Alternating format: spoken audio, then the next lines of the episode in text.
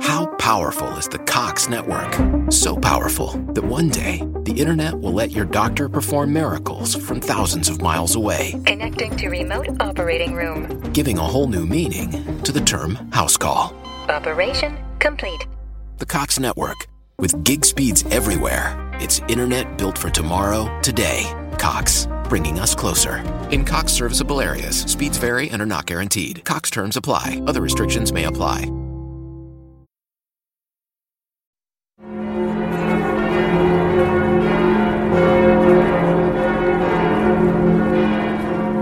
Välkommen till en andra vandring i juletid på gamla och nya stigar.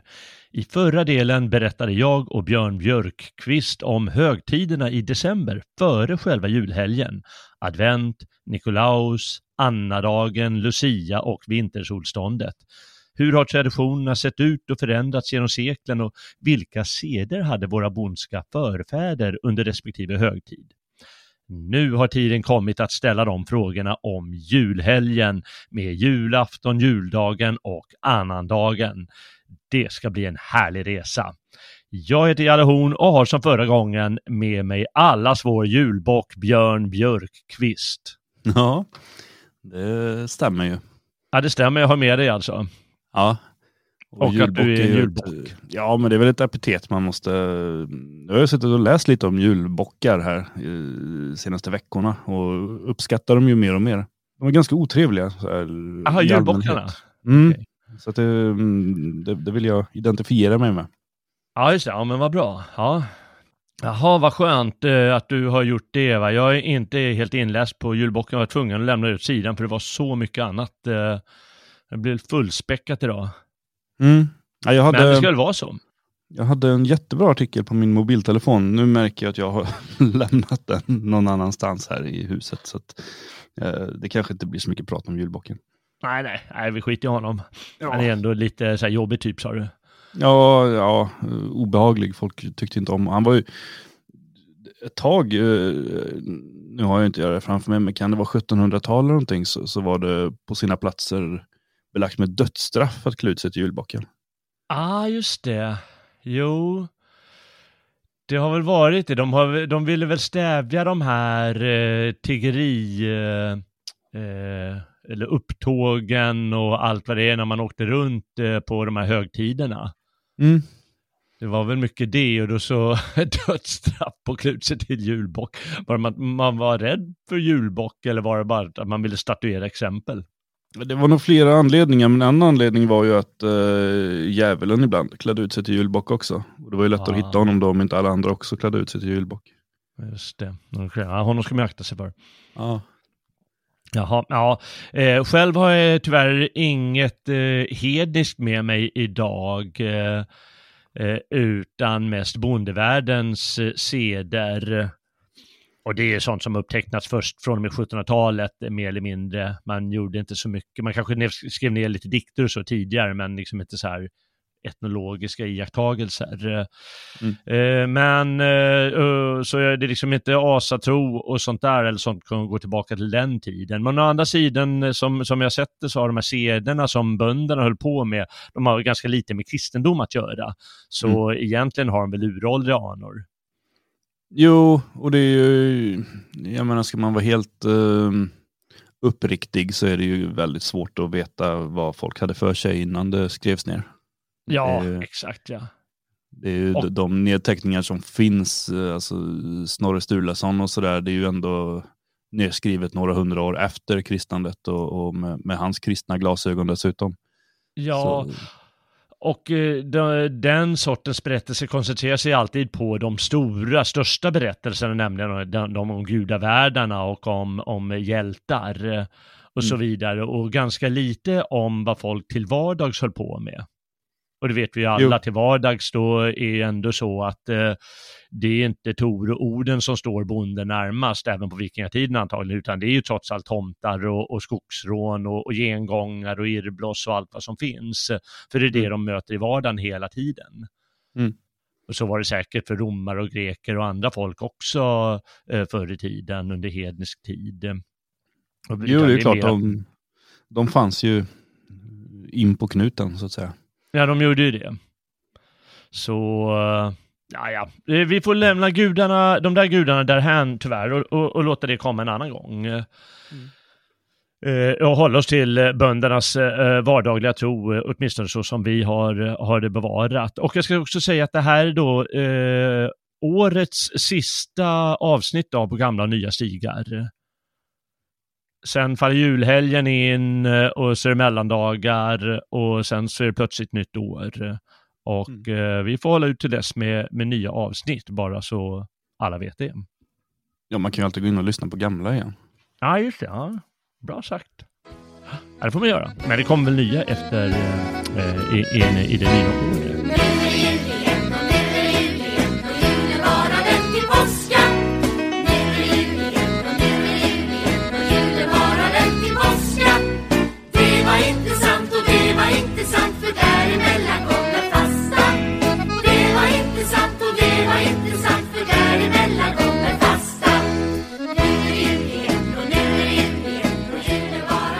Nåväl, eh, varför firar vi den 25, eller inte vi, jo även vi den 25 december kan man säga.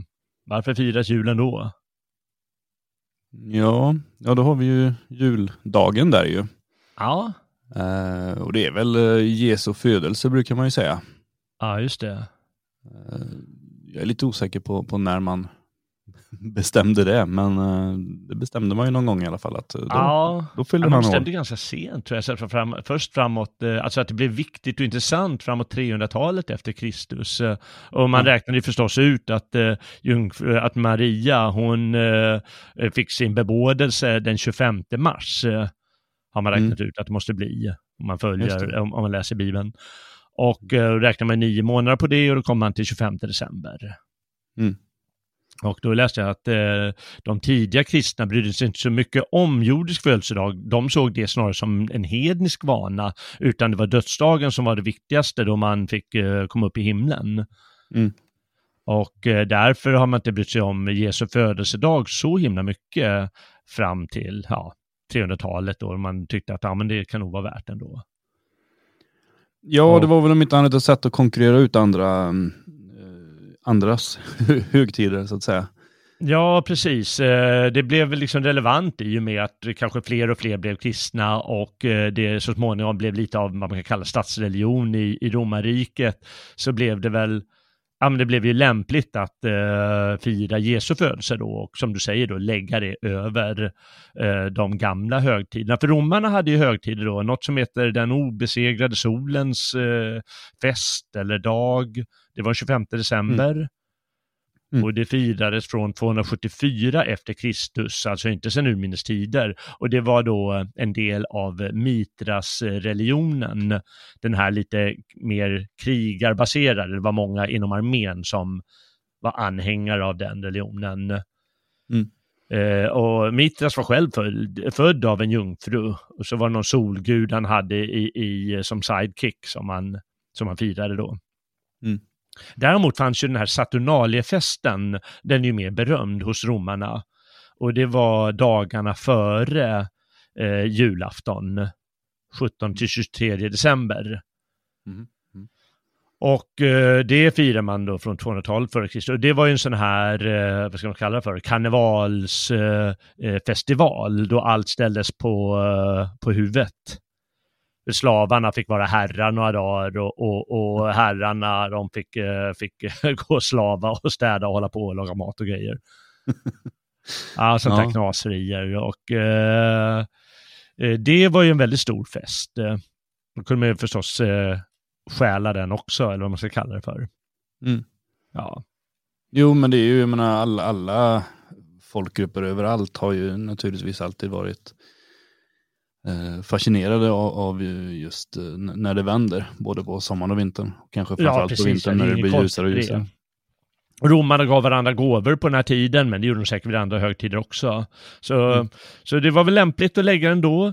Eh, vi hade ju egentligen då östkyrkorna firade Jesu födelse, alltså där i Syrien och, och eh, jag vet inte, Grekland då, men tidiga kyrkor då just eh, på trettondagen firar man Jesu födelse eller Jesu dop då.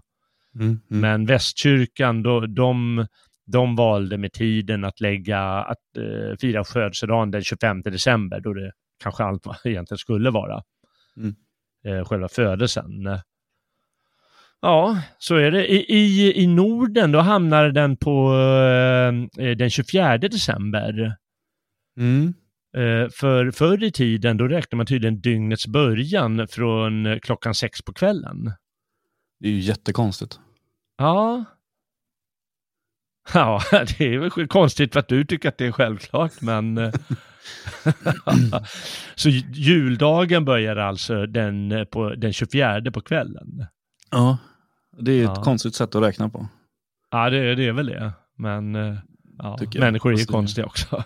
Ja, jo. Eh, Ja. Ändå, det, det känns ju helt rimligt att fira julafton och inte juldagen. Det tycker jag, eftersom att man är van vid det. Men, men ehm, ja, nej det är konstigt. Det är lite grann som att man skulle fira sin egen födelsedag alltid dagen innan.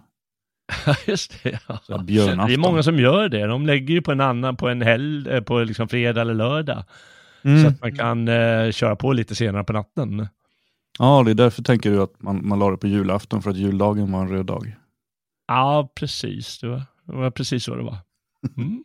Ja, Och som vi sa i förra programmet så 1753 ändrade man ju, gjorde man en kalenderreform då i Sverige och införde den gregorianska kalendern eh, istället för den julianska som hade eh, fifflat lite med skottdagar och så, så att eh, det stämde astronomiskt sett eh, med, med kalendern. Och eh, då eh, hade man ju firat Lucia där ungefär där julafton är. Och Mm. då blev det julafton som fick det och därmed var mycket seder och folktro och eh, föreställningar som liksom, man hade på Lucia och som vi fortfarande firar lite på Lucia eller som bönderna länge gjorde. Eh, det var, de fick julafton också dras med. För det hade man Mm. gjort så länge ju. Mm. Påminner förstås om varandra. Och vi har ju det här med midvinter, årets längsta natt och så vidare. Och Mm. det är ju närmare julafton än eh, eh, Lucia nu för tiden. Mm. Eh, här uppe talar vi om jul istället för eh, Christmas till exempel, eller vad säger man, eh, någonting Noel i, i Frankrike. Jag kommer inte ihåg vad de säger. Men vi har ju vårt Mm. eget ord för jul som vi använder. Ja, vi är väl lite unika här uppe i... Ja, men, det är häftigt. Va? Det, men det, det är ju från hednisk tid. Och det har ju spekulerats mycket genom århundraden vad det betyder där. Och på 1600-talet redan då var det sådana så poeter som Samuel Columbus som eh, de eh, ansåg att det eh, här hade med ordet jul med HJ att göra. Mm. Och det har man kommit fram till i efterhand att det är nog skilda ord, men ändå att det finns något, eh, att både jul och jul med HJ eh, går tillbaka på något indoeuropeiskt urord. De är ofta konstruerade, de, de där gamla orden, eh, som just betyder vändning. Mm. Och det är alltså Ja. vändning till solens återkomst antar jag. Ja, det är, ju, det är ju på sätt och vis rimligt. Samtidigt vet man ju inte riktigt om, om, om den gamla julen som nu har fått ge namn åt vår julafton, om det verkligen är samma högtid som, som eh, ja, den nuvarande alltså midvinterfesten, utan att eh, tittar man bakåt i tiden så kan det snarare förläggas som en ganska lång festperiod som börjar redan i november och som handlar om alltså en arbetarfest när, när nu är Mm. slitet slut och det avrundas där. Eh, och tittar man i finskan så finns ju också ett liknande ord so, som eh, betyder fest i allmänhet. Just det, just Och det germanska ordet eh, brukar man säga, det betyder fest, alltså inte det in, ur-indoeuropeiska ordet. Eh, eh, men det betyder fest och, och som du säger, den här jultiden, den på, pågick ju ända in i eh, inte, slutet av januari eller något sånt, eller in, ända in i februari kanske. Mm. Den här gamla hedniska julperioden. Ja, Och midvinterblotet brukar man väl tro att det var i januari, i mitten av januari. Mm. Fast det, det, man, man är inte helt säker på det där. Det, det finns ju jättemycket att, att prata om, eh, om hedniska vad ska jag säga, vanorna eller idéerna eller föreställningarna. Men det ska, kommer, vi inte, kommer vi inte göra så mycket i det här programmet, för eh, det blev för mycket om bondska vanor, fr- från min sida i alla fall. Mm, ja, men det, det är eh, egentligen mer intressant. Ja. ja vi tar det nästa, nästa år, eller hur? Just det, det kommer fler år. Ja, det kommer i fler år. Det är som ett Mm. hjul som går runt. Ja. Eh, säg mig, eh, du, eh, går du på sån här mässa? Nej, jag har aldrig gjort det. Nej, aldrig? Nej. Nej, aldrig Nej. någonsin. Men det är väl också lite sådär beroende på hur man är, hur man är uppvuxen. Jag är ju uppvuxen i en väldigt liten socken eh, där, där eh, eh, vad ska man säga, där, eh, gamla konflikter levde vidare. Så det var, eh, jag tror det var min farfars farfar eller farfars farfars far som var kyrkoherde. Mm. Eh, Men hans son blev osams med prästen och sedan dess har vi inte gått i kyrkan i vår familj. det är ju fantastiskt. ja, Nej, häftigt. Eh, eh, Det, jag vet inte, det är kanske irriterande med sådana konflikter, men det ligger någon charm i det där. Ja, nej, men vi, vi går inte i kyrkan på grund Nej. av det bara. Gammalt bråk. Eh, på den katolska eh, tiden då hade man i alla fall tre mässor. Man hade julnattsmässa och sen hade man julottan och sen hade man högmässan, alltså julottan på morgonen, tidig morgon den 25 och högmässan på förmiddagen den 25. Det blev många mässor i loppet av några få timmar. Ja. Ja, verkligen. Och den här julnattsmässan, eh, menar, det var ju katolsk tid där, så mycket av det rensades bort under, eh, eh den protest- i och med den protestantiska kyrkan. Men julnattsmässan, den har tydligen kommit tillbaka någon gång på 50-talet eh, i modern tid. Och det är väl, eh, ja, det är väl att det är mysigt och sådär antar jag. ja, alltså den är så pass ny i, i, i ny skepnad. Ja, tydligen. Ja, den är ju gammal eh, från, från början, men sen så Mm. var den borta i flera sekler. Mm. Julottan däremot, den har ju hela tiden levt kvar eh, och i modern tid förstås som ett eh, som bara något lever kvar från bon, böndernas tid, för den var väldigt viktig för bönderna. Den Mm. blev man inte av med när man skulle rensa ut mässor. Nej, det finns ju eh, mycket mm, traditioner, alltså, det- eller det finns ju mycket myter där om, om de dödas eh, julotta. Den dyker ju upp i, i alla tänkbara mm, byar runt om i hela Sverige, säkert i flera länder också. Men, men, eh, Mm. eh, Jag ska läsa ju- ett litet stycke om det faktiskt. Eh, Då ska jag inte föregå dig där. Nej. Nej, vi kommer dit när vi kommer till julottan. Ja, jag tror vi var där. att folk eh, tar något starkande för att klara den passagen. Ja, ja men det är riktigt. Det är riktigt. Ja. Vi pratade i förra, förra avsnittet om eh, dekorationer. Har du, har du fått lite mer dekorerat nu då? Eh, nej, inte mycket för jag har varit ganska sjuk här. Så att jag har... ehm, ehm, nej, nej, verkligen inte. Nej.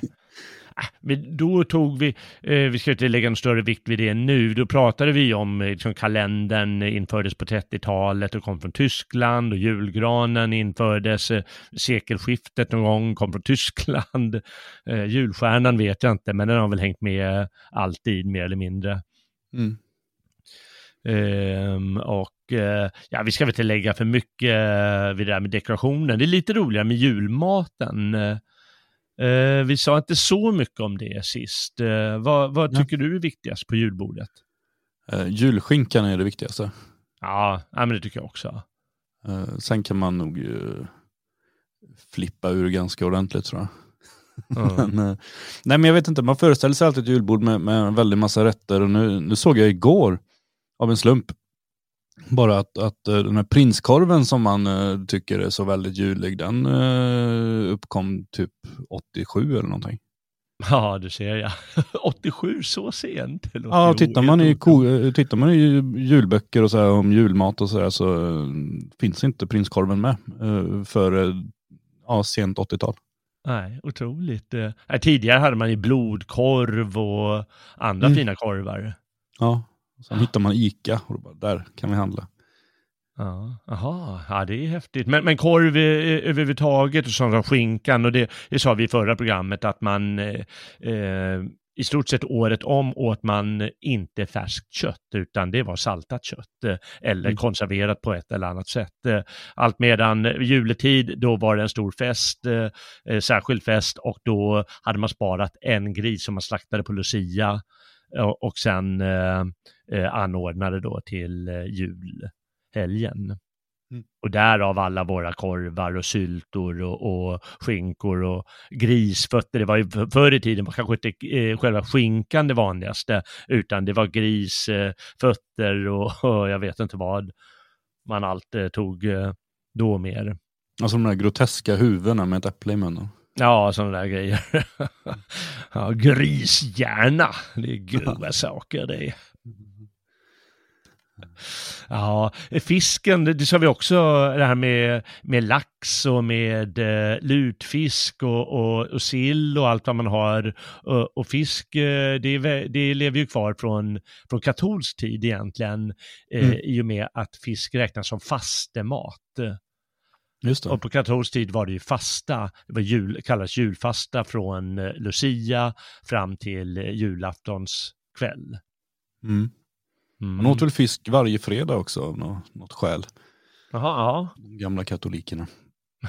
Ja, konstiga typer. Ja. Men, men det ska ingå. Men är det liksom köttbullarna, kom de 83 eller? nej, jag vet Nej, men de är säkert något äldre. Så där, för det är väl... eh, Det var väl sånt man gjorde av det som blev över på grisen misstänker jag. Ja, antagligen. Ja. Och sen så blir det lite juligt kanske när man har den här lyxkryddan och man har kryddpeppar i. Mm. Man har sådana grejer eller man kanske har nejlikor eller vad man nu kan tycka är gött att ha i, eh, i den. Ja, vad mer hör hemma på julbordet eh, egentligen? Eh, jag vet inte, just nu så rasar ju en stor, stor konflikt på Twitter. Eh, mellan människor som tycker att eh, Janssons frestelse måste vara på bordet och människor som tycker att det verkligen inte ska vara på bordet eller någonstans. Mm, just det. Det är väl också Eh. en modern rätt antar jag. Ja, jag vet faktiskt inte hur, hur gammal den kan tänkas vara. Jag vet att det inte är speciellt gott. Eh, men jag, jag kan ju respektera att den finns, liksom. för det är det som är fördelen med stort julbord, det är att man kan ju ta lite vad man vill. Ja, precis. Men det är väldigt angenämt tycker jag också. Man kan undvika, nej men jag är så mätt, jag orkar ju inte eh, Janssons frestelse idag känner jag. Nej, alltid nej det, säga. är ju, det är ju perfekt. Eh, här i Eh. Tyskland, eh, där är ju sed att man på julafton äter, vad heter det nu, korv och potatissallad. Mm. Ja, och eh, då är det, finns väl olika teorier bakom det. En teori är att eh, tjänstefolket, eh, de hade ledigt då. Mm. Och då kunde man inte få ja, annan mat än det absolut enklaste som kanske kunde förberedas lite dagen innan. Ja, just det. Ja, men det är ju Ja, då rimligt. fick de nöja sig med i herrskapet. Ja. Men allt det här är ju också, menar, det, det, kan ju inte vara, det här kan ju inte heller vara urgamla traditioner i och med att potatisen inte har funnits i Europa i Nej, nej, enormt lång tid. Mm. Så innan åt de bara sten och kottar. Ja, och i det här fallet att man inte hade tjänstefolk måste ju vara en grej från städerna, så det är ju borgarna, det är från borgerlig tid, från 1800-talet och framåt, eh, som det måste ha varit så. Och sen på julafton däremot, då, då äter man eh, gås, eh, om jag inte har helt fel. Mhm. Ganska vanligt. I, min, I min tyska släkt här, då, då gör man inte det. Eh, Då är det ingen som äter gås, eh, men, eh, men jag har hört andra som äter det. Mm. I, I Britannien där äter man ju kalkon. Det har Ja, men det, är väl, också. det finns väl här och var i Sverige. Ja, Genom men det har Skåne, kommit jag. därifrån om jag förstått det rätt. Ja. Jan Öyvind Svan, den gamle härkliga folkloristen och matälskaren, han påstår det i alla fall. Mhm. Mm. någon bok. Nåväl. Ja, nej, men vi får väl äta, äta ordentligt på, på julen antar jag. Ja, risgrynsgröt är ju viktigt. Inte på julbordet, men typ till frukost. Ja, just det. Just det, men det där gröten och det, det, det tror jag också vi sa i förra programmet att eh, man, eh, man gjorde, eh, om, på julafton då kunde man lyxa till den och ha, ha mjölk i. Mm. Och inte bara gröt på vatten. Fint ska det vara. Aha. Och ha en smörklick i mitten inte minst. Ja, just det. Ja. Mandel vet jag inte när det kom. Nej, Nej, det finns väl olika galenskaper. Ja. How powerful is the Cox network? So powerful that one day the internet will let your doctor perform miracles from thousands of miles away, Connecting to remote operating room. giving a whole new meaning to the term house call. Operation complete. The Cox network, with gig speeds everywhere, it's internet built for tomorrow, today. Cox, bringing us closer. In Cox serviceable areas, speeds vary and are not guaranteed. Cox terms apply, other restrictions may apply. Räven raskar över isen, räven raskar över isen. Får vi lov, och får vi lov att sjunga gummornas visa. Så här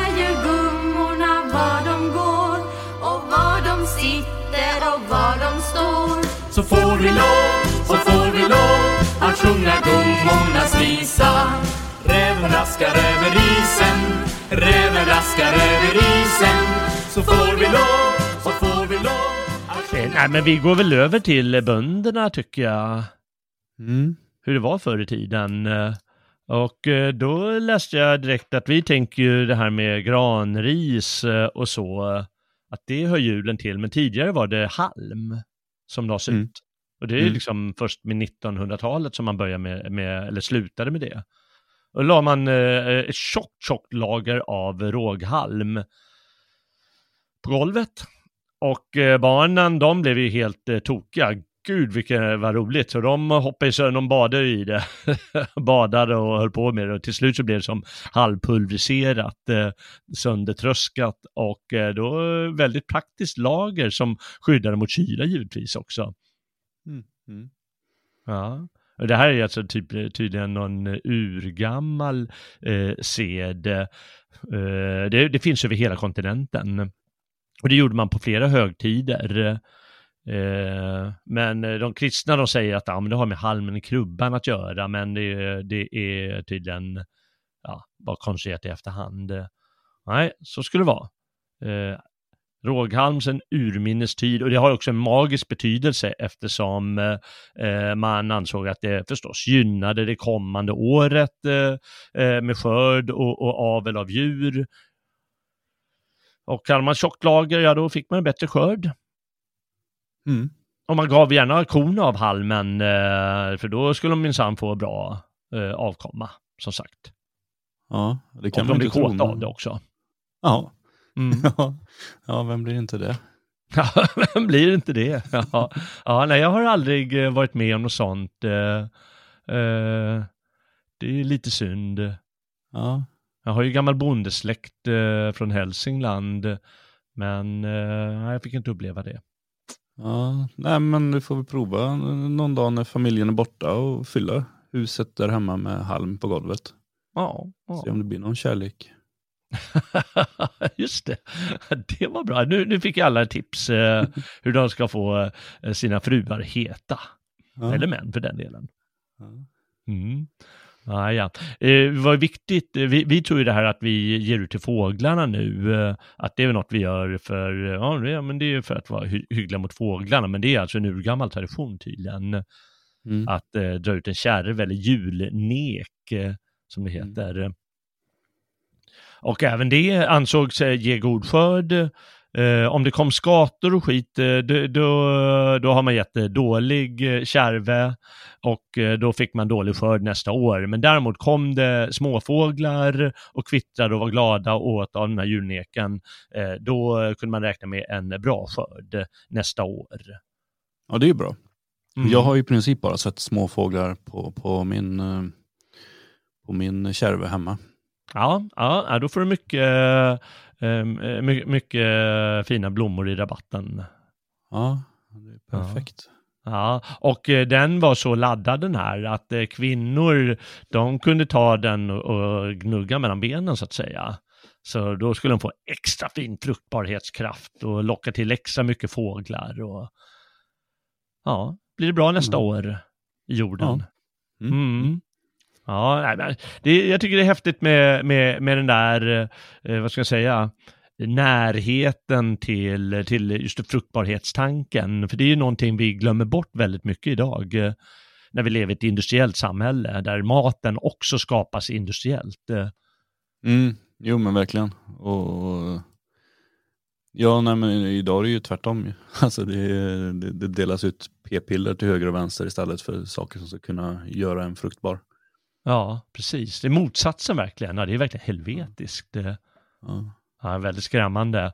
Ja, nej, eh, ta eh, mina damer, ta julkärven och, och, och eh, låt den eh, gå loss lite där eh, mellan benen så att den blir fruktbar, skapar lite fruktbarhet. Mm.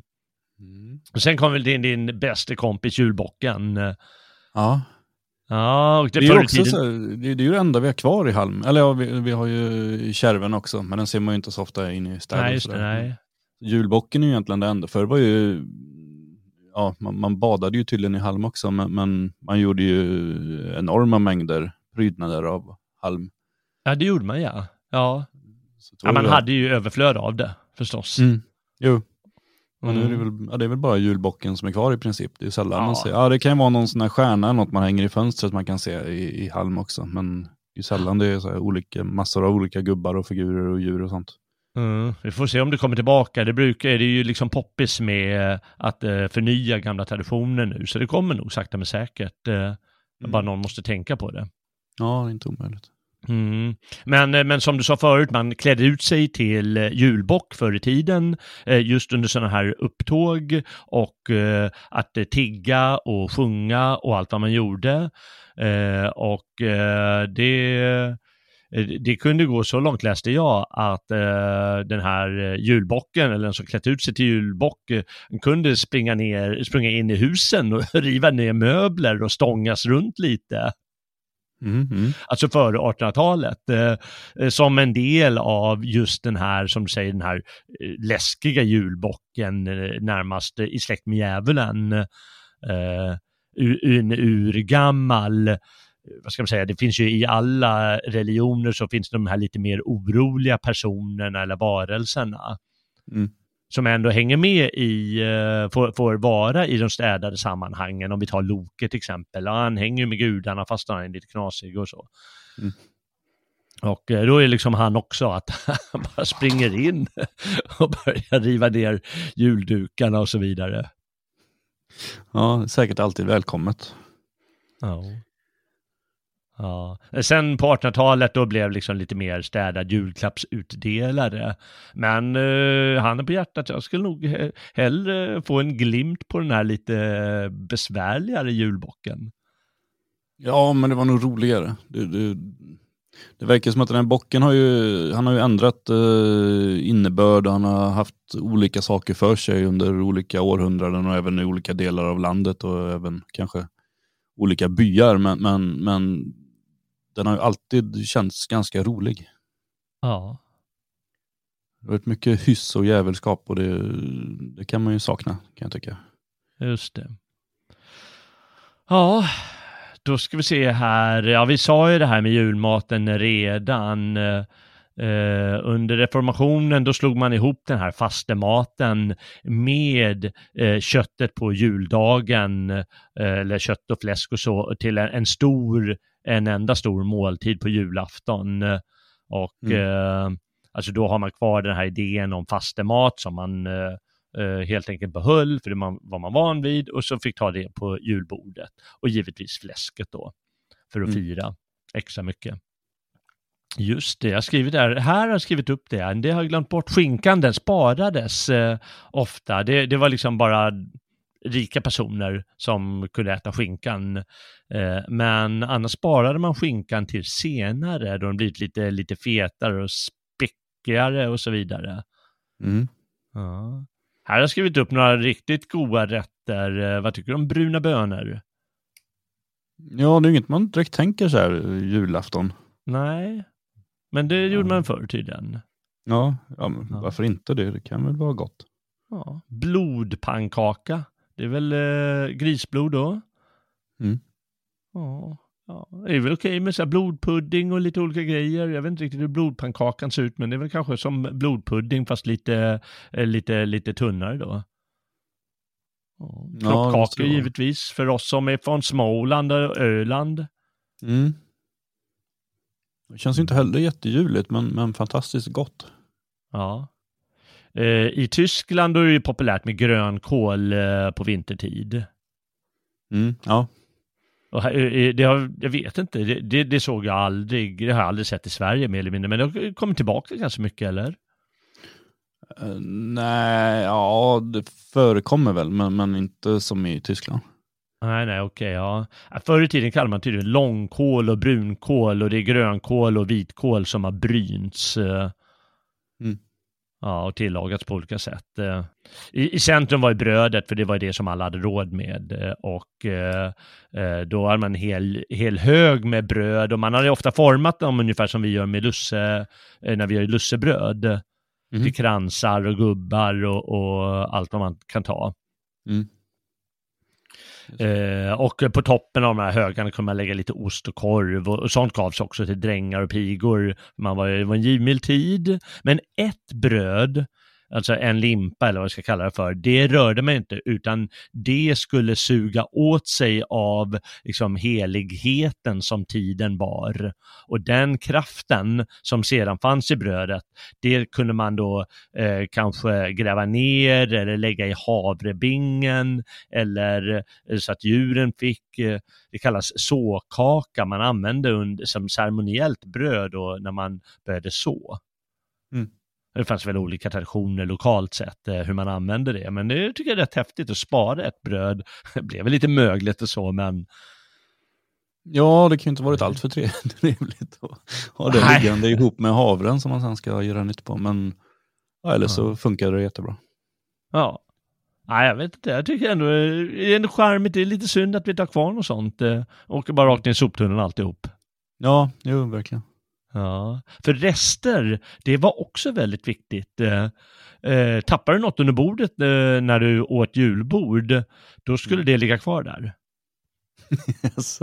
Ja, av, två, ett, av flera anledningar. Dels så, eh, man städade inte för det var, det, arbete, det skulle läggas åt sidan, så det var rent av en ohelig handling.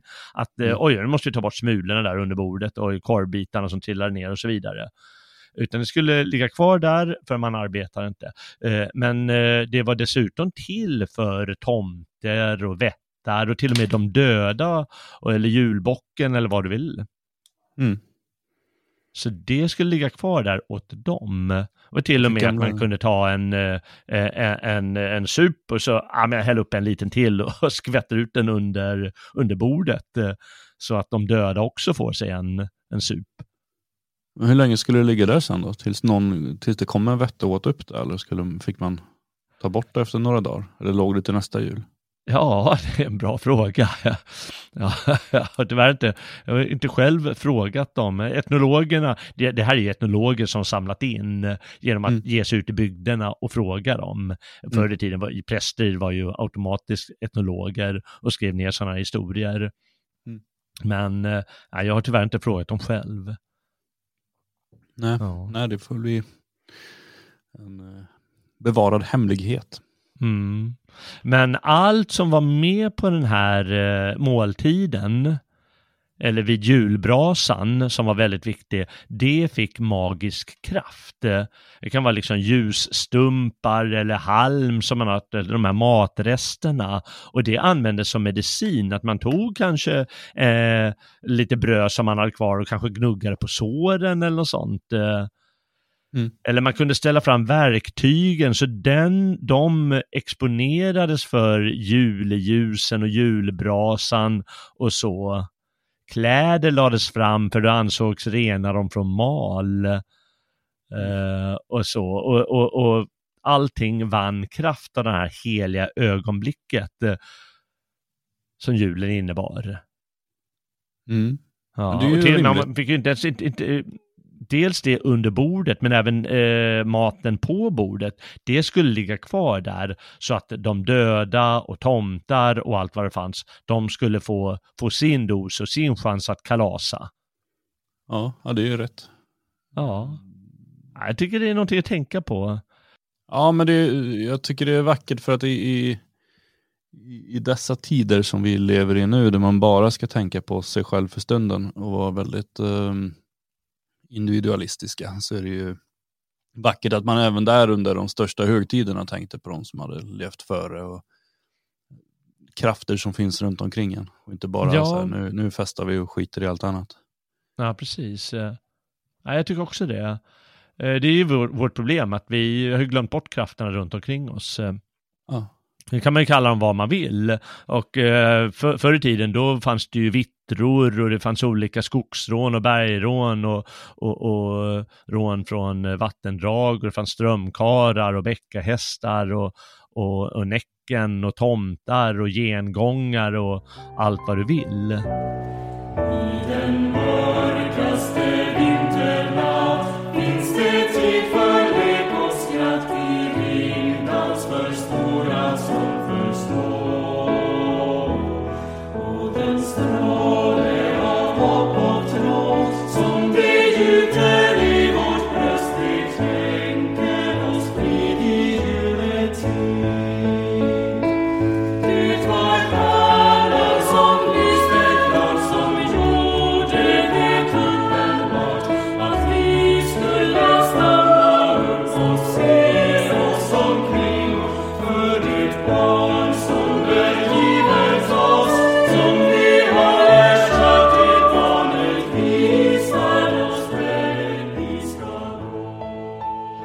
De var ju alla ovanligt närvarade på, på den här eh, eh, helgen som låg vid midvintertid. Mm. Och eftersom eh, det är ändå gamla Lucia-dagen som ansågs vara då eh, den eh, kortaste dagen och längsta natten på året eh, så förstår vi laddningen där i.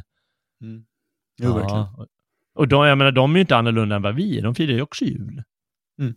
Jo, det är klart. Ja, och bönderna kunde, de drog ju sina historier hur, eh, jaha, nej men du ska veta att det eh, bara kom in ett bergrå och satte sig vid bordet eller vid kaminen och satt där hela kvällen. Mm. Ja. Och om de inte var så fräcka att de gick in till folk, då, då dansade de och, och väsnades och, och höll på där, där de hörde hemma, om det var i dungar eller under liksom stenkum eller grottor eller under jorden bara. Mm. Ja, så man ska vara försiktig när man, när man var ute. Jo, det måste man ju alltid vara. Men kanske framförallt så här års. Ja, framför allt, eller framför allt inte bara så här så, utan just på den dagen. Mm. Det sa vi redan lite i, i förra avsnitt. Och, och man, eh, man måste ge dem mat, till exempel. Mm. Annars så får man räkna med motgångar eh, nästa år. Och eh, viktigt var, eh, jag tyckte det var roligt, pigar och drängor, de, pigor och drängar. Ja. De sov gärna på laduloftet tidigare Mm. vanligtvis. Eh, För då hade de närmare till arbetet, de hade uppsikt över djuren och inte minst så hade de en, en god chans att träffa sina riktiga älsklingar eh, på när, lite så närmare håll. Jo, man vet ju vad halm har för innebörd också. Så. Ja, där har du ju halmen igen, ja, precis. Ja. Mm. Eh, Men eh, på, på, på den här natten, då var det viktigt att sova inomhus. Mm. För annars, eh, annars kommer ju Näcken och tar den. Eller någon annan jobbig typ. Mm. Gör en galen eller bara drar iväg med en eller, eller vad som helst. Eh, Eh, och om man av någon anledning var ute och vandrade eller red och så eh, i jordbygden eller liksom utanför, utanför gården. Eh, och om man mötte sådana här eh, hemska varelser, då, då, måste, då gäller det att man flyr därifrån. Och då ska man springa eller rida tväråkers, om man bara tänker att de är plöjda, åkrarna. Då bildar de ju spår åt det. Då ska man gå på tvärs med det så att kors bildas. Och då kunde man hindra eh, de här läskiga varelsen från att eh, ja, helt enkelt ta en och slita sönder den. Mm. Ja. Och eh, det finns ju gamla myter kring det här om himmelsritten eller Odensjakten eller Hinsjakten och allt vad den kan kallats. Eh, ehm, och det var att man, man hör, hörde konstiga larm och konstigt, konstiga ljud, eh, dundrande ljud eh, på julkvällen. Och Mm. det måste ju vara ett orden som var ute på jakt och så Ja, just det. Oskorej. ursprungligen. Mm. Eller så var det eh, i mer om att du tänkte på orden att det kunde varit någon kung eller någon adelsman som har varit ute och jagat på julnatten tidigare. Mm. Och eh, då har han straffats av, av Gud eller gudarna eller vilka det är och måste som straff då i nästa liv fara runt med sitt följe på julnatten och, och väsnas och ha sig. Mm. Ja. Så det var givetvis läskigt, men samtidigt måste man även förära de döda. Eh, även om de kan vara läskiga om de går som gengångare eller eh, vänslas med, med vättar och allt vad de gör. Och eh, då, då skulle man ge dem mat som sagt. Eh, Man kunde lämna, lämna sängen åt dem på natten. Och fick man sova i halmen, det är ju bra. Mm. Mm. Ja, men eh, då skulle de sova i sängen eller man kan eh, eh, lämna badvatten uppe åt dem så att det är liksom med, med eh, eh, lite träklossar under så att det är varmt för dem också. Mm. Mm. Det här var ju en tid innan dagens el och vattenpriser då. Ja, det var ju det. Ja, precis ja. ja då var de ju smart nog. De tyckte ju redan då att det, elen var dyr så man tog ju trä. Mm.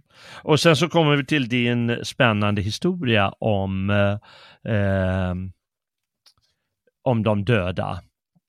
Och eh, man vill ju gärna, många vill ju komma först till kyrkan för att få en fin plats där i julottan. Mm. Men om man kom för tidigt, då kunde man möta de döda som hade gudstjänst. Och då är det- var det en gumma i Värmland som har berättat eh, att hon alltid ville vara först i kyrkan.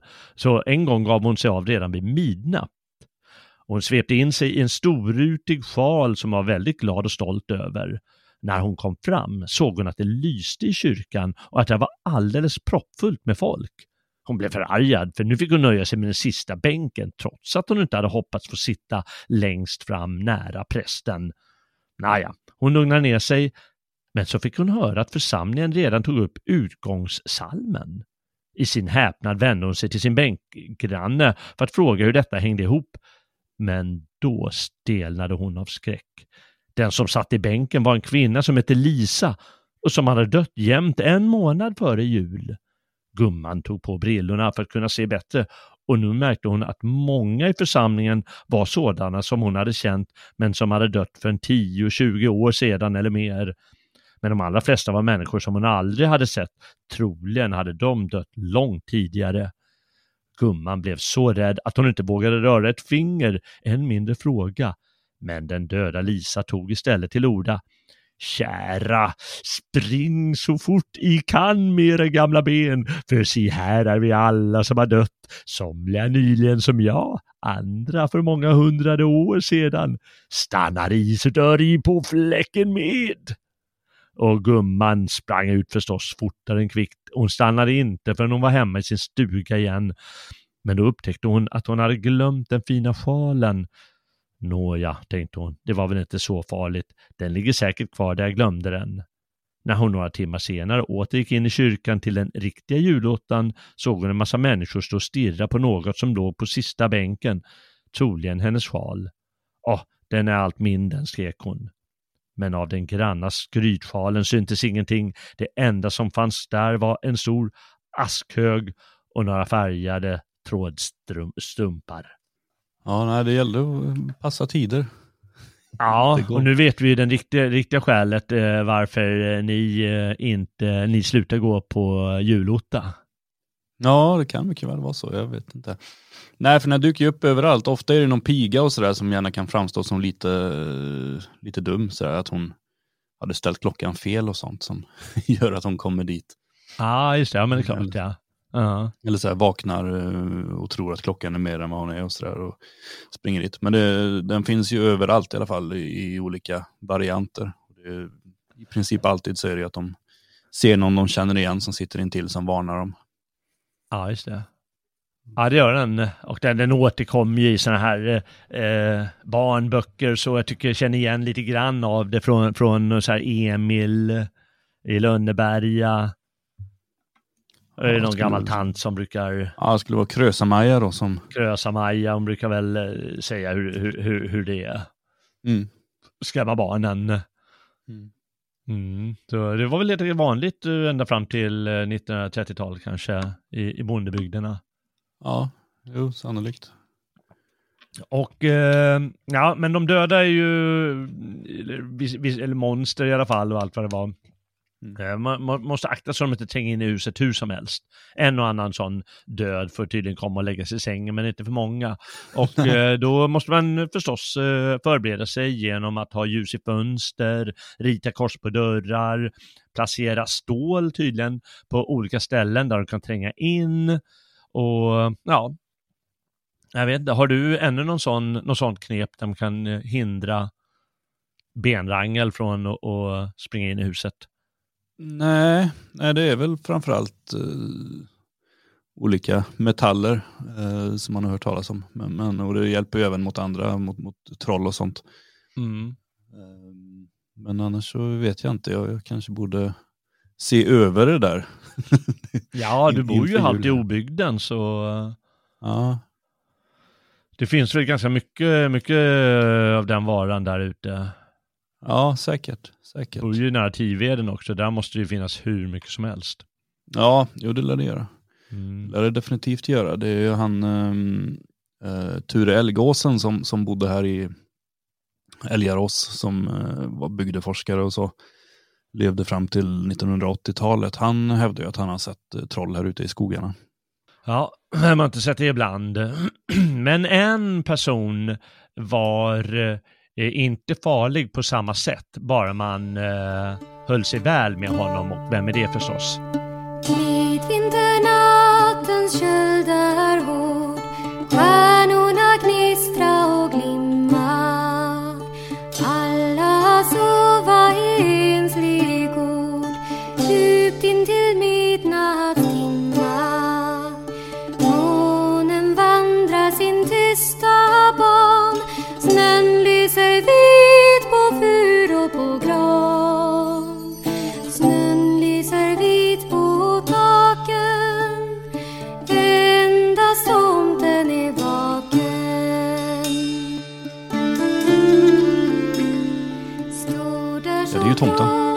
Ja, det är tomten. Gårdstomten. Ja, han, han är ju... Ibland så pratar man ju om skogstomtar och allt möjligt och sådär. Och det, det är väl en konstig... eh, För att ordet tomte kommer ju från tomten. Alltså, Mm. det är ju gården. Så att tomten är ju en form av vätte som eh, Precis. bor där, medan andra vättar bor på andra platser. Mm. Ehm, men han eh, finns ju, han, tomten har ju blivit väldigt, väldigt förknippad med julen av eh, skäl som vi pratade en del om förra gången. Eh, men han, tomten bor ju, som regel är det ju en, men det kan vara fler och ibland finns det en tomtefru och sådär också, men oftast så är det en ensam tomte på varje gård som sköter om och tar hand om allting som människorna missar och hjälper till. Uh, och han är ganska billig i drift. Han vill, väl ha en och annan matbit då och då och framförallt då kring jul. Mm. Just det. Ja, nej, jätteviktigt förstås. Eh, Och eh, viktigt att eh, inte göra honom eh, missnöjd och arg. Mm. Och eh, nej, precis. ja, det finns ju också... julen då. Ja, nej, jag vet inte. Det, det, det finns ju en, en eh, klassisk eh, berättelse som också dyker upp överallt. Om Mm. eh, i, i enkla drag så sätter de ut gröten och har eh, antingen så har eh, smöret smält och hamnat under eller så har de lagt det under lite grann för att skoja med tomten. Och tomten Ja. blir, eh, kommer dit och ser att eh, jaha, bara gröt och ingen, inget smör och ibland är det sirap och sånt där. Men det, det ligger i alla fall dolt. Mm. Vilket gör tomten vansinnig och han går ut och, och dödar eh, kon. Ah, Eh, den bästa kon på gården. Går han ut och dödar. Och sen går han tillbaka och ah, är hungrig i alla fall. Så han käkar upp den här gröten och hittar då det här äh, extra mycket smör eller vad de nu har lagt i. Och börjar känna sig så dum. Så att han uh, går över till granngården som har en likadan ko. Så släpar han över sin döda ko och lägger där och så drar han tillbaka uh, äh, grannens ko då, som, som får stå där. Så att grannarna kommer ut sen dagen efter och upptäcker att deras ko är död och, och kan inte förstå varför. Medan det inte märks någon skillnad på gården. Det, det är en lite svår berättelse att förklara hur man vet om det där då i och med att det sker ett byte. Men, men eh, det sker och det finns ju massa andra berättelser också om vad som händer om man inte är snäll mot tomten. Sen får man inte vara för snäll mot tomten heller. Det finns också en, en väldigt klassisk berättelse där om hur, hur ehm, eh, bonden syr upp fina kläder. För han får syn på tomten en gång och tycker att han var ju lite väl eh, sliten. Så han syr upp Mm. nya fina kläder och handskar och grejer och lägger ut till tomten. Och sen händer ingenting. Eh, gården bara förfaller och så får han syn på tomten igen då som berättade att eh, nej, jag är, så, jag är så fin så jag kan inte jobba. Här fick han. Han klantade Ja. sig, bonden. Mm. Nej men det är sant, han ska få lagom eh, belöning eller eh, man, man ska ge eh, lagom eh, med gåvor och så vidare. Och eh, då är han nöjd och gör arbetet bäst. Och vet du, även i det här fallet ska man akta sig för att lägga en brakare, inte bara när man stöper ljus. Mm. Om man lade en brakare eh, i stallet på julafton, då får man en jäkla dask där bak. eh, Och det är tomten som drar till helt enkelt. Mm. Ja. Ja, nej det, det finns. Och det fanns ju en annan fördel också med tomten faktiskt. Det var ju att om, om, om det gick väldigt bra för en bonde, då kunde ju grannarna säga att det beror ju inte på hans slit, utan det, han, har en, han har en bra tomte. Mm, just det. Så slapp man vara så, eller ja, då, då kunde man bli lite avundsjuk istället på hans tur, istället för att tänka att han sliter lite extra hårt. Ja, precis. Eh, Ja, om man har blivit av med sin, eh, om man klantat sig och tomten har eh, stuckit från gården för Mm. att man gett honom för mycket eller för lite eller vad som helst, eh, då var den här tiden en bra, en, det var den lämpligaste tiden att anställa en tomte. Mm. Och då fanns det en, en procedur man skulle, en ganska enkel procedur.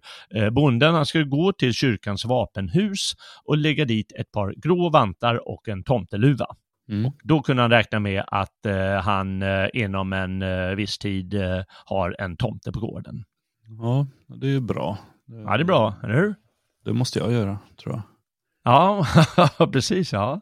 Nej, visst måste du det.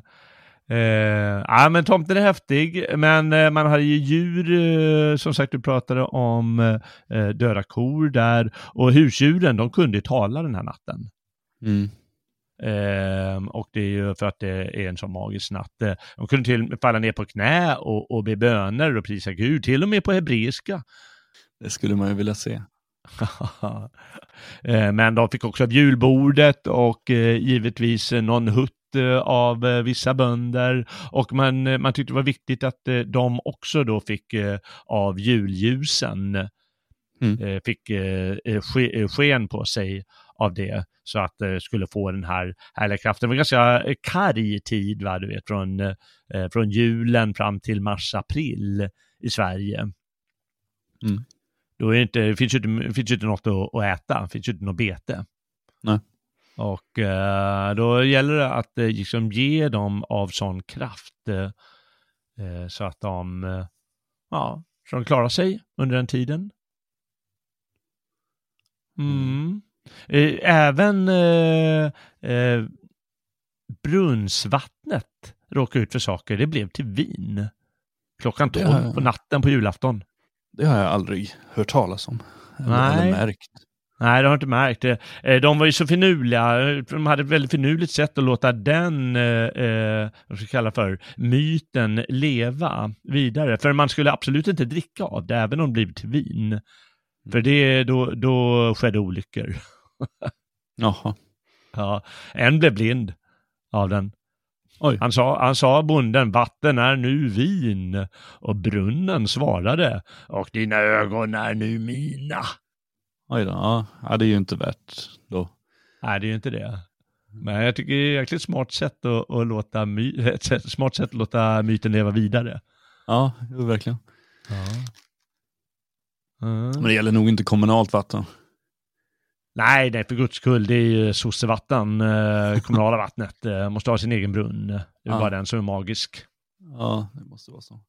Mm. Ja, eh, de var ju oerhört skrockfulla eh, på ett sätt som vi, eh, jag menar, människor är fortfarande skrockfulla, det ska man inte sticka under stolen med. Och då menar jag vanligt folk som tror att de är upplysta, de är väldigt skrockfulla. Eh, Men eh, man, var, man var ju väldigt, väldigt skrockfull förr i tiden. Mm. Och eh, ett sätt att ägna sig åt eh, skrock är att spå. Mm. Och då var som, eftersom det var en eh, särskild helg det här så, så ägnar man sig gärna åt det. Och eh, du vet, det är de vanliga frågorna. Ska jag leva ett år till? Ah, Kommer jag att få barn? Eh, Ska jag bli trolovad? Alla de här, ja, mm, de här frågorna vi ställer. Mm. Och då letar man efter tecken eh, för att få eh, goda varsel eller dåliga varsel. Och nysningar, då, det ska man akta sig för på julafton, då, då gick den illa. Man får inte vara förkyld för guds skull. Nej. Men det är väl, det där har väl flyttat ganska mycket till nyårsafton sen va? När man ska Ja, det har det gjort. Eh, Ja. på nya året. Egentligen är det den stora spå, eh, spå eh, tiden, men man använder det redan på julafton då tydligen här. Mm. Eh, ha, eller julhel- hela julhelgen för att ha, ha något att göra kanske. Mm. Mm. Eh, det, hunden kunde avslöja ganska mycket och gav, gav alla en bit bröd under bordet. Eh, och eh, om hunden valde ett bröd från någon och gick eh, bort till dörren för att äta av det, då skulle den personen vara död nästa jul. Mhm. Ja. Eh, Mm. Korna var man tvungen att kolla hur de låg. Aha. Och om de eh, låg med ryggarna mot varandra, då skulle gifta makar dö. Oj. Om däremot låg med bukarna mot varandra, då skulle ungdomar trolovas. Och en ko som låg vänd bort från de övriga, den, den skulle dö under året. Mm. Ja. Tecken. Klara tecken tycker jag.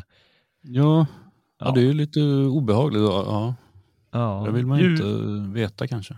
Ja, nej, man letar det där julbrasans glöd, julljusen kanske kunde eh, varsla om någonting, Eh, kasta sko över huvudet. eh, om man var modig kunde man våga sig på det. Pekar den utåt, då kommer man att gå härdan. Mm. Ja, ja allting. Och eh, den läskigaste, men också bästa sättet att få reda på någonting om framtiden, det var något som hette att gå årsgång. Mhm. Och det fanns i alla möjliga varianter. Eh, allt från ganska triviala till eh, väldigt eh, eh, upppoppare med, med berättelser och så. Och eh, då, då var det en person som var utvald och han skulle sitta ensam hela kvällen. Kul att vara Ja. utvald. Eller hon. Ja, men man har väl valt den eh, som skulle genomföra det här eh, på gården kanske. Och sen skulle han gå till kyrkan när klockan slog tolv. Mhm. Man skulle vandra tre varv runt kyrkan. Så Mm. tre gånger. Och varje gång han gått ett varv, då skulle han blåsa in sin andedräkt genom nyckelhålet. Och sen när han gått sina tre varv, då måste han snabbt som tusan springa därifrån. För det kommer dyka upp en vålnad. Och om han inte var snabb nog att springa därifrån, då, då kunde det hända att den slet honom i stycken. Och på vägen hem råkar han också ut för flera faror, eh, bland annat en, en sugga. Rakbladsvass rygg och då var man tvungen att stå med benen hårt ihop. För annars kommer den tränga igenom mellan eh, benen med sin rakbladsvassa rygg. Då kommer den fläka upp hela honom. Ja. Ja, ja. Och givetvis att man utsattes för eh, illusioner och löjliga syner. Och om man skrattar då, då går det åt peppan. Mm. Ja, framförallt kommer man inte lyckas spå någonting. Men om man lyckas genomföra allt det här, Ja. eh, liksom det här kyrko, borta vid kyrkan och, och på vägen hem, då kan man få eh, klar insyn om årets händelser. Att man ser likprocessioner, man ser bröllop, man ser eh, grödans, eh, vad som händer med grödan, om det är välstånd eller torka. Eh, och eh, han kommer få väldigt god hörsel, den här personen. Och om man liksom om det går bra då hör han, kommer han höra liar slå liksom eh, redan kring juletid. Eh, om, om det kommer gå dåligt då kommer han höra hur de liksom, slår mot stenar varmed liarna blir eh, eh, oskarpa. Mhm. Mm. Ja, jag hade inte önskat vara utvald där kan jag ju säga. Nej, du, ju- du är lite skraj för sånt där eller? Ja, men det där lät ju obehagligt. Och mest för ja. Först göra allt det där och sen få veta allt skit som ska hända resten av året. Det känns ju bara som ett straff. Det känns ju inte särskilt eh, väl utvald sådär. Jag vet inte. Jag, jag sitter med en bok här och, och råkade bara bläddra fram här strax innan vi Mm. började spela in. Det är änkan eh, Emma Claesson i Otterdal i Västergötland 1858 föddes hon. Som berättar om eh, en sån här spådom. Ehm, Och den, den, den gick ut på att eh, man skulle ta en psalmbok och eh, hålla bakom ryggen och sen eh, slumpmässigt slå upp en sida. Och av den salmen som de då fick så skulle den berätta om det kommande året. Mm. Och det var en tös som gjorde det här och ehm, tre gånger på rad så fick hon upp salmen 372. Kring rymden breddes fasa och natten föll på böljans stig inleds den. Oh. Och eh, vid pingst så drunknade hon i navens fyr och ehm, eh, ja, det var hon och tillsammans med sju andra ungdomar. Så att, ja, man ska ta det på allvar. Ja, det ska man verkligen göra. Ja, var försiktig och spå rätt om ni ska spå. Ja. och, ja, allting har sina förklaringar, det är det va? Jo, men det var också ett, ett, ett annat allvar, får man ju säga, på den tiden. Sen, menar, man, man, man har varit med någon gång när folk har suttit och spott i tenn och sånt på nyårsafton och sådär. Allt tolkas bara till bra grejer. Ja, just det. i vad det än är. Och liksom, skulle det dyka upp typ en lie som naturligtvis skulle betyda döden så kan de alltid bara, ah, men du ska nog skörda. Ja, det blir bra. Mm, mm. Ja, nej, men man hade ju helt klart eh, en eh, eh, annan närhet till döden och, och till svält och, och till alla, alla handa motgångar på den tiden. Mm. Och eh, då, då blir det mycket kraftigare som du säger, den där idén att det kan gå, lika gärna gå det illa som det går det bra. Nu ska ju allting vara så fullt av lycka. Mm. Lycka och kärlek. kärlek. Jo, men utan det andra så blir det ju bara tomt. Det blir ju ingen, Ja, det blir ju det till slut. Jag det finns med. ju ingen lycka om det inte finns någon motsats. Nej.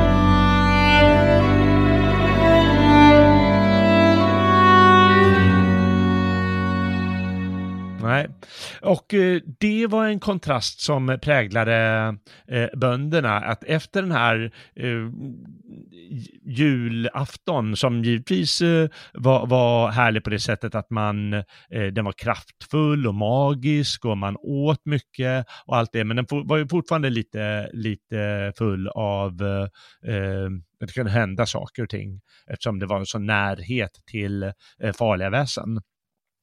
Men dagen efter, eh, på det vi kallar juldagen då, då var det en, eh, det var en rolig dag på många sätt. Eh, inte hela dagen, men på julottan. Så julottan, då klädde man upp eh, allt och alla, liksom eh, eh, släden man åkte med, i alla fall om man åkte eh, i, i större delar av Sverige då det fanns snö. Eh, om det inte fanns eh, snö, ja då fick man ta vagnen förstås och klädde upp den. Eh, hästarna kläddes upp och människorna kläddes upp med de finaste kläderna och så vidare. Och man, gav, man använde de bästa hästarna och man gav dem de, det bästa havret och det bästa höet och till och med en hutt. Och så läste jag någonstans, eh, i Medelpad då hade man en vana att hälla brännvin i öronen på den stackars hästen. Ja. Ja, men det gav så jäkla god eh, effekt eh, tyckte de. Och det var viktigt för eh, när man har varit i kyrkan och haft sin mässa, då var det viktigaste på dagen och det var hemfärden, för då var det nämligen kappkörning i bygden. Mm. Mm. Och då skulle alla tävla. Så, så då, prästerna de hatar ju det här eh, över allt annat. För bönderna, liksom, om det pågår en timme den här mässan, så sista kvarten, då sitter de, då sitter de i startgroparna, bönderna, och vill bara springa ut och, och, och, och, och tränga sig fram och så. Mm. Så de tyckte det var liksom som vi, vederstygglig vidskepelse de ägnade sig åt uh, jäkla bönderna. Då kan jag bara Alla tänka mig hur prästen bara drog ut på det och det blev två, tre timmar istället. Just det. Ja, det var säkert några präster som hade sina knep eh, att hantera det där. Men eh, tävling skulle det bli i vilket, hur, hur en eh, prästen, eh, vad en prästen gjorde åt saken. Och då var det kappkörning. Och då kunde man jävlas med varandra också på olika sätt. Att man, eh, eh man hade kanske sönder lite på vagnen eller man gömde eh, skacklar eller, eller vad som helst eller klippte sönder saker och ting alla, alla knep var tydligen tillåtna. Och det fanns ju olika varianter för det här. Eh, om man bodde i skärgården, då tävlar man med rullbåten förstås. Mm. Ja, lite hårdare där ute i skärgården förstås. Ja, Men det här var ju viktigt för den som kom först hem, den sades få sin skörd bärgad först. Och kanske få bäst skörd också. det är lite orättvist. Folk måste ju ändå bo på lite olika platser. Så någon, någon, Ja, man tycker det. Lyckans ost måste ju varit typ granne med, med kyrkan och vann jämt. Ja, jag vet inte hur de löste det här att man fick, hade olika handikapp eller, eller hur man löste det. Men eh, ja, ja, tävlade gjorde man i alla fall och alla fick ju möjlighet att visa upp sina dugliga hästar, de fina, vilka bra hästar de har. Mm. Och eh, det kunde ju vara så att, eh, det, att de hade liksom klippt, alla hade klippt sönder varandras skacklar eller lossat på muttrar, skruvar eller vad som helst. Va? Så bonmororna, de skulle inte vara sämre de, utan de tävlade också genom att springa hem. Om det var för mycket trängsel också, jag menar hästarna kom inte fram där. Mm. Så de sprang också. Då ska också läsa en liten, en liten snutt hur, hur, hur det gick till. Eh, och då är det någon som berättar eh, eh, upptecknad i också en Västgöta socken som heter Brämhult. Eh, och då är det Stina Kristiansson som berättar eh, Ja, har vi haft ögonen riktigt med oss i julottan så har vi givit jakt på att en del av bonmororna har tävlat om att kunna placera sig allra ytterst i stolarna och en del har leende låtit dem få denna åtrådda fördel. Så snart prästen har läst kungörelserna från sig är det som om ett startskott skulle ha gått. Ut rusar gummorna allt vad benen förmår och vad de ofta rätt tunga kropparna medger. Den som först kommer hem från ottan på den gården har man stor utsikt att få inbärga det kommande årets gröda först. Och så kunde maken få höra sin kära hälft fram på hösten triumferande utbrista. Ja, där ser du far du att den, att den nötte allt att jag könna, att jag skyndade med hem i julas du. Eh, där ska jag allt göra om till nästa jul du far. Ja, det är en skön sed, eh, tycker jag. Ja, ja men det, det där skulle man vilja se.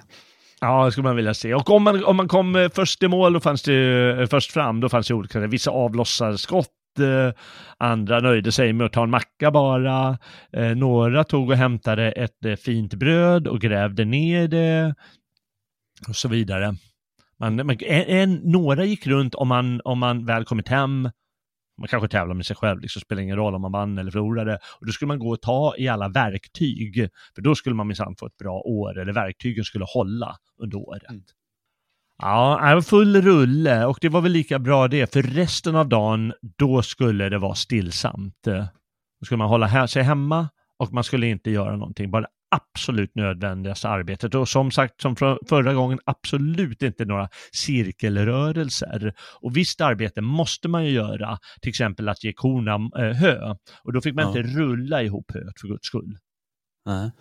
Nej, absolut inte. Utan man måste liksom ta det lite, irrat- eh, lite jag ska säga, eh, ja, inte genom att rulla, utan en bit här och en bit där och så vidare. Fick man Ja. ge korna. Och man fick inte heller mocka ut gödsel ur stallet. För då skulle trolltyg komma till djuren. Så, så det måste vara kvar koskiten. Och man skulle ta det så lugnt och vara så stillsam och vänlig att man inte ens fick döda en lus. Så folk lät bli att kamma sig. Som har löss i håren. Ja. ja, det är många regler alltså. Hålla Ja, många regler. Ja, det finns säkert, eh, finns säkert tusentals regler som de hade eh, i sin, vad vi då skulle kalla skrockfullhet. Eh, Jo. Ja, men ändå som att man tar det på allvar det där och sed är ju sed. Och det, menar, Mm. Om vi granskar oss själva kan vi säkert hitta en massa irrationella grejer. Varför sätter vi oss alla och kollar på jula, äh, Kalankas jul liksom? Vad är det för störd sed? Nej, den är eh, vi, är ju inte ens, vi blir inte ens straffade om vi inte gör det, vi gör det ändå. Vi drabbas ju inte av ett års olycka om vi inte tittar på den här hackspettan. Ja. Ja, ah, ja. Eh, alla tider har sina seder och så och eh, bönderna hade sida och eh, de är väldigt vackra tycker jag. Vi kommer till den sista dagen till julen, eh, nämligen annandagen. Och det här var ju en vild dag. Juldagen, bortsett från den här härliga tävlingen, eh, så var det ju en, en väldigt lugn dag. Men annandagen, då släppte man loss. Och eh, då, då ska tydligen eh, drängarna och bondsönerna det var väldigt viktigt för dem att ge sig upp tidigt på dagen och eh, visa att de dög till. Och eh, de skulle mocka den här skiten ut ur stallet eh, som hade samlats. Och Det var inte så kul för djuren att, leva med det. Det samlar sig ganska mycket, ett litet stall Jo det skulle mockas bort. Eh, eh, Och det räknas då som ett rent stort nöje. För man fick ganska mycket ut av det. Eh, eh, Dels då att eh, liksom, om du gjort ett välgjort arbete, då, kan, då varslar det om att du blir liksom rask och kry och stark under året. Eh, men man gjorde mer. Man, man la till exempel gödsel i, gra- runt i granngårdens åker. Och då kunde man bli inbjuden på en sup och man kanske kunde få ett bättre arbete där om det var en, bättre, en hyggligare bonde. Man kunde skapa kontakter och eh, eh, man, man kunde inte minst lägga grunden för äktenskap. Mm. Ah, och då måste jag läsa en, en sista, eh, sista uppläsningsgrej här. Ehm. och då var det en värmländska, hon eh, formulerade det lite så här. Ja, en granngurt var i våran laggård och mockade ut dynga. Far fick se honom, han måste in och få en sup och fägnad av julmaten. Han blev min man, så att han liksom, eh, så, så han hade liksom ut för att han hade mockat fjuset. Ja, hon var nöjd och glad över honom så eh, då finns liksom skäl till det här eh, mockeriet och att det var, eh, ja, det, det gav någonting verkligen. Mm. Mm. Sen var det förstås mycket annat. Det var upptågsmakeri och det blev ju grannfejd, det kom till liv. Man kunde eh, mocka, mocka in skiten i grannens laggård istället. Ja. Montera isär kärror och släppa lös korna och, och, och drängarna kanske skulle ut och hålla på med lite slagsmål och sådär. Ja, det var bättre förr. Han var bättre förr ja. ja.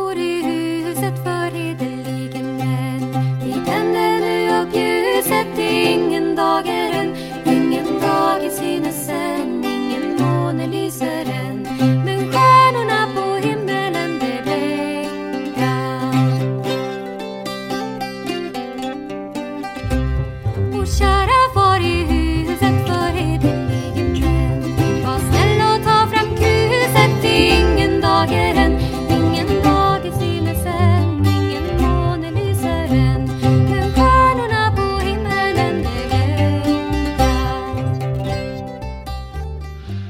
Verkligen. Och sen så har vi det här med stalledrängen. Och det Mm. berättade du om. Kan inte du berätta det igen om din, var det din mamma eller din faster eller vem var det? Ja, det var min mamma och, ja, och hennes systrar och, och, och alla som bodde där i, i Hedemora, utanför Hedemora. Eh, de eh, var ute på Staffansnatten och eh, klädde ut sig till alla möjliga, så gick de runt och sjöng vid gårdarna. Eh, och fick väl gåvor, antar jag. jag. Jag kommer ihåg hon berättade om det där när jag var ganska liten och kanske inte helt intresserad, så att jag minns bara fragment. Sen har man eh, funderat mer på det där efteråt, men, men eh, nu är det ju för sent att fråga. Eh, Men eh, nej, som hon har beskrivit det så var det väl lite grann som man tänker att eh, barn, i alla fall fram till nyligen, gick runt som påskkärringar, så här, lite utklädda och delade ut någonting för att få någonting tillbaka. Inte som det här uh, obskyra halloween-grejen när man går runt och hotar med djävulskap om man inte får någonting. Mm. Utan att det var, uh, man spred glädje och fick då gåvor som tack. Mm. Och de var väl utklädda till lite allt möjligt, men jag tror det var någon, någon jag har för mig att hon beskrev det som en sotare, eller om det, det kan ju ha varit en, ett blackface också, jag vet inte, någon form av um, nersotad figur i alla fall. Och det var väl någon bock och lite stjärngossar och sånt. Ja, äh, det är ju en urgammal sed det här eh, tydligen. Och eh, det är en, mag, en ritual som genomfördes. Eh, och det var att man skulle vattna hästarna i en källa eller en bäck eller någonting som låg en bra bit bort från, från gården eller kanske från bygden. Och eh, om, om, om man genomförde det, då skulle eh, när hästarna drack ur vattnet, då skulle det ge hästarna eh, väldigt stark kraft, varmed gården då kunde bärga en god gröda. Och särskild kraft, det hade vattnet i nordrinnande bäckar och just då på annandagen. Och för den som kom dit först. eh, Och ifall man red över nio bäckar först, de skulle ligga en, en, en bit bort. eh, Och för säkerhets skull kunde man även lägga en silversked i ämbaret som hästen drack ur. Mm. Det var mycket att tänka på för att få det så kraftfullt som möjligt. Eh, Hästen var ju en viktig beståndsdel för de som hade möjlighet att ha det hos Ja. bönderna. Ja, det var ju kl- klassiskt eh, sett så sågs ju hästen som, som mannens djur. Eh, Mm. För att det var det, det djur som hjälpte till att slita och dra och greja. Medan eh, kvinnornas djur var korna. Mm, precis. eh, Precis. Och eh, som sagt, om man kom dit först till den här källan före någon annan, eh, då, då, då var det ju extra bra vatten där. Och därför tävlade man förstås, och det här kallas då för Staffans ritt. Mm. Eller eh, bara att eh, gå Staffan i de fall eh, som vi ska se de, eh, de som mest gick omkring som din, som din mor eh, och firade på det sättet. Men den här Staffans ritten, jag ska säga det också att eh, i Norrland har jag läst här att eh, då var det inte en tävling utan då dekorerade bondsönerna hästen och, och klädde ut sig till tiggare och drog på tiggarfärd. Så det Mm. var också, det fanns olika varianter av det här. Ja. Mm. Men man hade med sig sin häst i alla fall och det kommer sig av att eh, den helige Stefan eh, som var helgon, eh, eh, helgonförklarad den här dagen eller fått sig tilldelad, han var hästarnas skyddspatron. Mm. Och eh, han var också den första kristna martyren. Och då passar det sig bäst att han är på annan dag, liksom första dagen efter eh, Kristi födelsedag Ja. De har lagt den där. Och i en engelsk Staffansvisa, då är han Herodes stalledräng. Som på morgonen får se en ny stjärna till, som, som tecken på att ett barn har blivit fött. Och eh, då har han liksom blandats ihop med de här herdarna som, eh, som förekommer i Bibeln. Och vår vanligaste Staffansvisa, Staffan var en stalledräng och så vidare, den, eh, den står här att det är från 1700-talet, men jag tycker att det finns som en medeltida ballad. Ja. Fast det kanske är den här engelska, uh, kan inte det i huvudet. Men nu har jag i alla fall tappat bort Herodes, eh, liksom det är inte Mm. med i den sången, och fokuserar just på den här magiska riten med bäckens kraft. Mm. Jag tycker det är charmigt. eh. Och eh, den här ljusa stjärna som, eh, som visan, eller det finns ju flera visor eh, i lite olika texter, eh, den bär, bars då på något sätt eh, av Staffans ryttare. De hade väl inte en sån här konstig strut på huvudet, eh, men, men någon, någonstans hade de en stjärna, kanske fastsydd eller något sånt. Ja, jo, precis.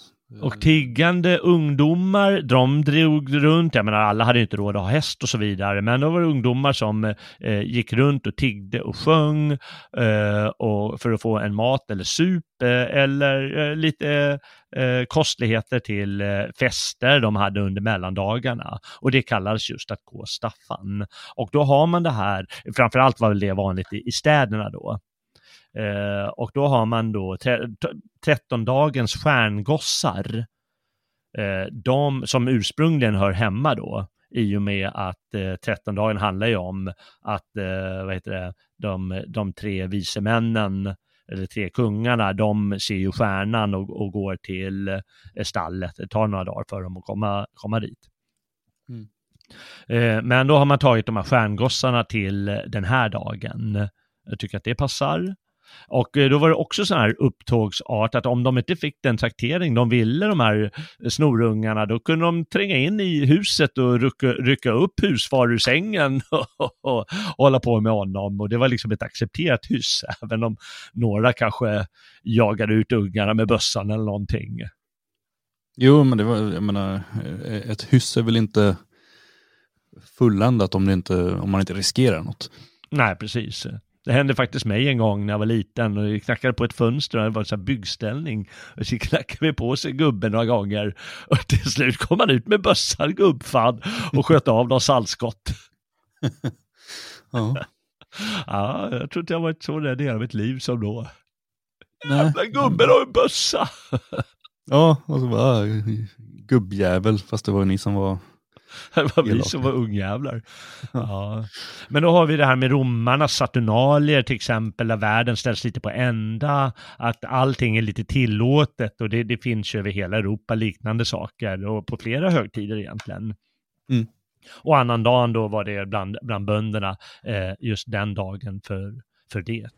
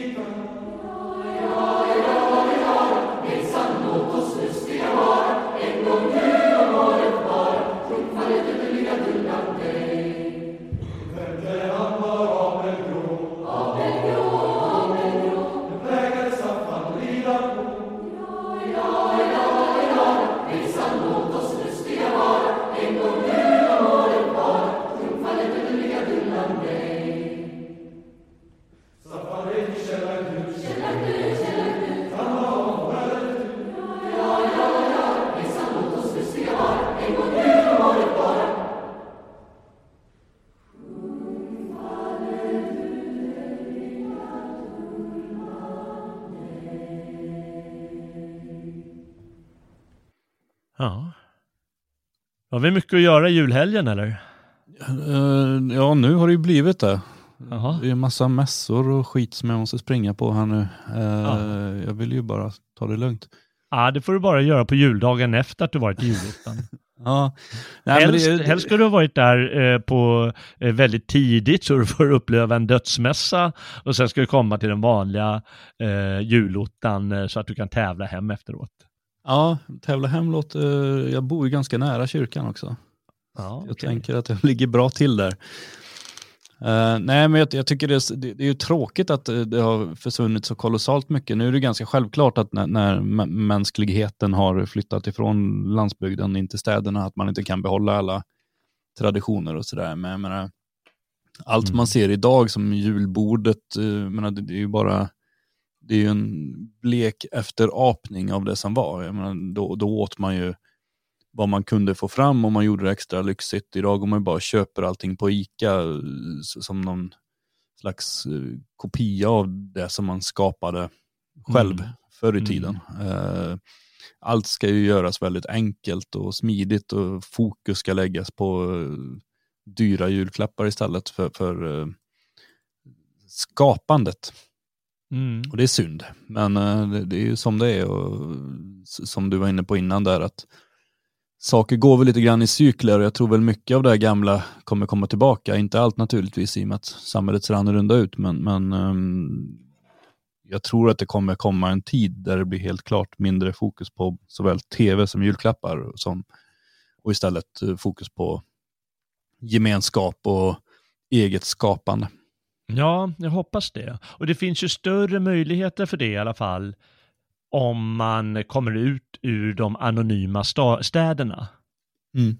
Eh, Vi ska ha klart för oss att det det här med att eh, gå Staffan, det, det gjordes ju i städer.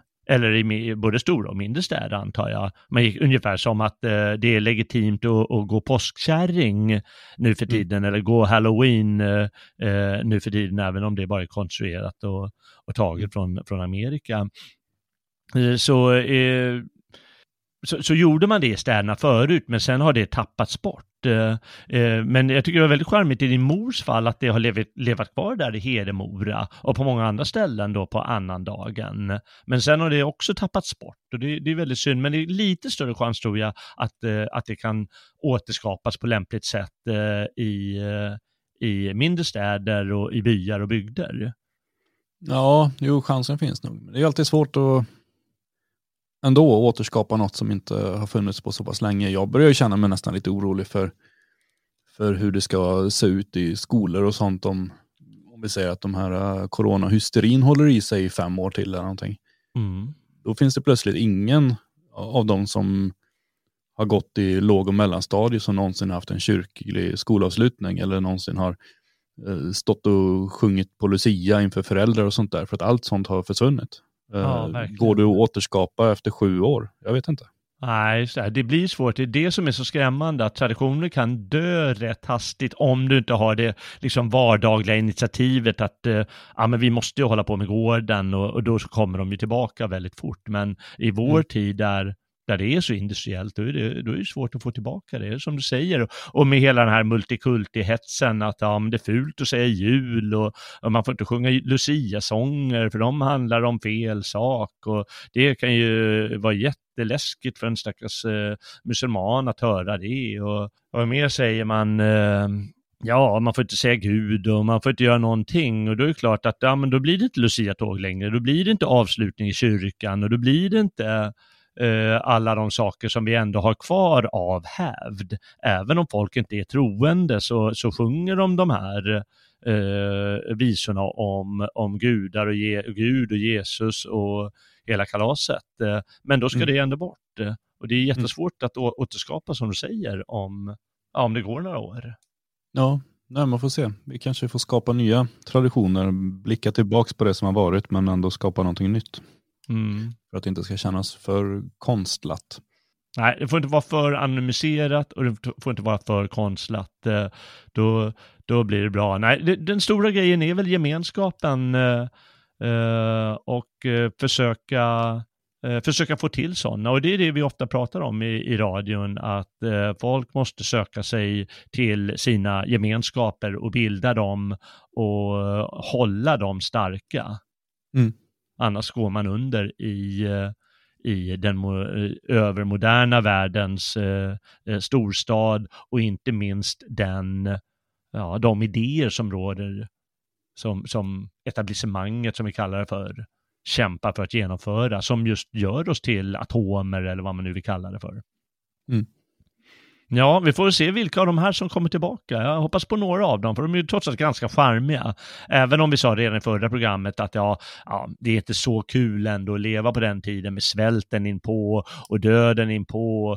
Jag menar, hälften av barnen kanske dör redan i, i, i barnatid av olika skäl. Mm. På ett helt annat sätt än vad som sker eh, nu för tiden. Nej, vi får vara glada åt att det blev corona istället. Ja, just det. Ja. Men samtidigt finns all den charm eh, och, och skönhet eh, där. Och, eh, och det vill man gärna ha, ja, på något sätt ha del av. Och om man, om man inte får uppleva det kan man i alla fall läsa om det. Och ett par svenskar som har ägnat sig ganska mycket åt det är ju Jan Öyvind Svan och, han lever ju inte längre, men eh, Ebbe Schön har ju skrivit flera böcker om det här också. Mm. Om mm, svenskt folkliv och folktro och eh, ja, andra etnologiska aspekter av det hela. Jo, ja, men de två är ju bra för att de, de ehm, är väl, kan man säga, mer rikssvenska, så de plockar ju upp från alla håll och kanter i hela landet. Eh, sen finns det ju mängder av lokala forskare som skriver om den egna bygden eller det egna landskapet och sådär. Men, Just man det. får ju, men man får ju en väldigt bra överblick av, av just de två herrarna Ja, som du nämner. Men, men det finns ju förstås på hembygderna och så finns väl böcker och det är ju väldigt roligt att läsa. Du eh, bläddrar i den där boken som du eh, berättar om nyss. eh, Och det finns ju jättemånga sådana från, från, från varje, varje liten eh, by i Sverige och det är ju väldigt charmigt och, och roligt. eh. Så det kan man alltid göra. Ja, har du eh, någonting eh, mer att säga så här innan det börjar bli dags att, att fira jul? Eh, nej, utan jag, jag ehm, får ju tacka för att jag fick vara med här. Det var roligt. Eh, och eh, så får man ju passa på att önska alla lyssnare en fantastisk jul och hoppas att vi hörs igen nästa år. Verkligen. Ja, det vill jag också. Det var jätte, jättekul att ha dig med Björn. Jag hoppas att du återkommer till stigarna. Det gör jag säkerligen. Mm. Vi, eh, vi ska nog planera ihop någonting. Ja, nej, vi får, eh, vi, eh, som sagt, tack och på återhörande Björn. Och tack också du som har lyssnat. Det här var som sagt årets och säsongens sista vandring på gamla och nya stigar. Det har varit, för mig åtminstone, ett underbart år där jag i 45 avsnitt har fått samtala om spännande svenskar i historien, fantastiska författare som satt avtryck i europeisk kultur, underbar europeisk musik, synder och dygder, himmel och helvete och fan själv och hans moster. Ja, kanske inte mostern, men allt det andra i alla fall. Och jag har fått samtala om allt det med underbara medarbetare. Jag riktar ett stort tack till Robin, Magnus, Björn, Dan, Ludvig, Henrik, Mats och Lennart och eventuellt glömda personer och till dig som har lyssnat som sagt. Och särskilt till dig som är stödprenumerant på Svegot eller som stöttar oss genom enstaka eller återkommande donationer. Det är du som gör det här möjligt. Du bidrar till att svensk och europeisk kultur och historia, vårt folks stöttepelare på många sätt, fortsätter att finnas och återfödas i nya generationer. Därför är jag dig evigt tacksam. Och om du inte redan är prenumerant får du gärna gå in på svegot.se och stödja oss med en liten eller en stor prenumeration. Du avgör själv vad som är lämpligt. Årets stigar har nu grenats samman i den svenska julen och nått sin ände. Men det finns nya stigar att upptäcka och om gudarna är med oss ska vi vandra på dem, både gamla och nya, i det kommande året. Tills vi möts igen önskar jag alla lyssnare en god jul och ett gott nytt år. Väl mött frände!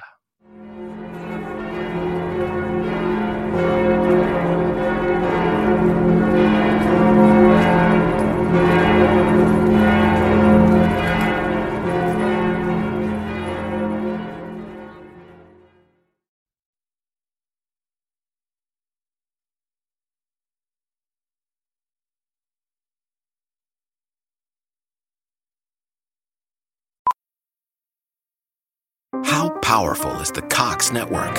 So powerful that one day the internet will let your doctor perform miracles from thousands of miles away, Connecting to remote operating room. giving a whole new meaning to the term house call. Operation complete. The Cox network, with gig speeds everywhere, it's internet built for tomorrow, today. Cox, bringing us closer. In Cox serviceable areas, speeds vary and are not guaranteed. Cox terms apply, other restrictions may apply.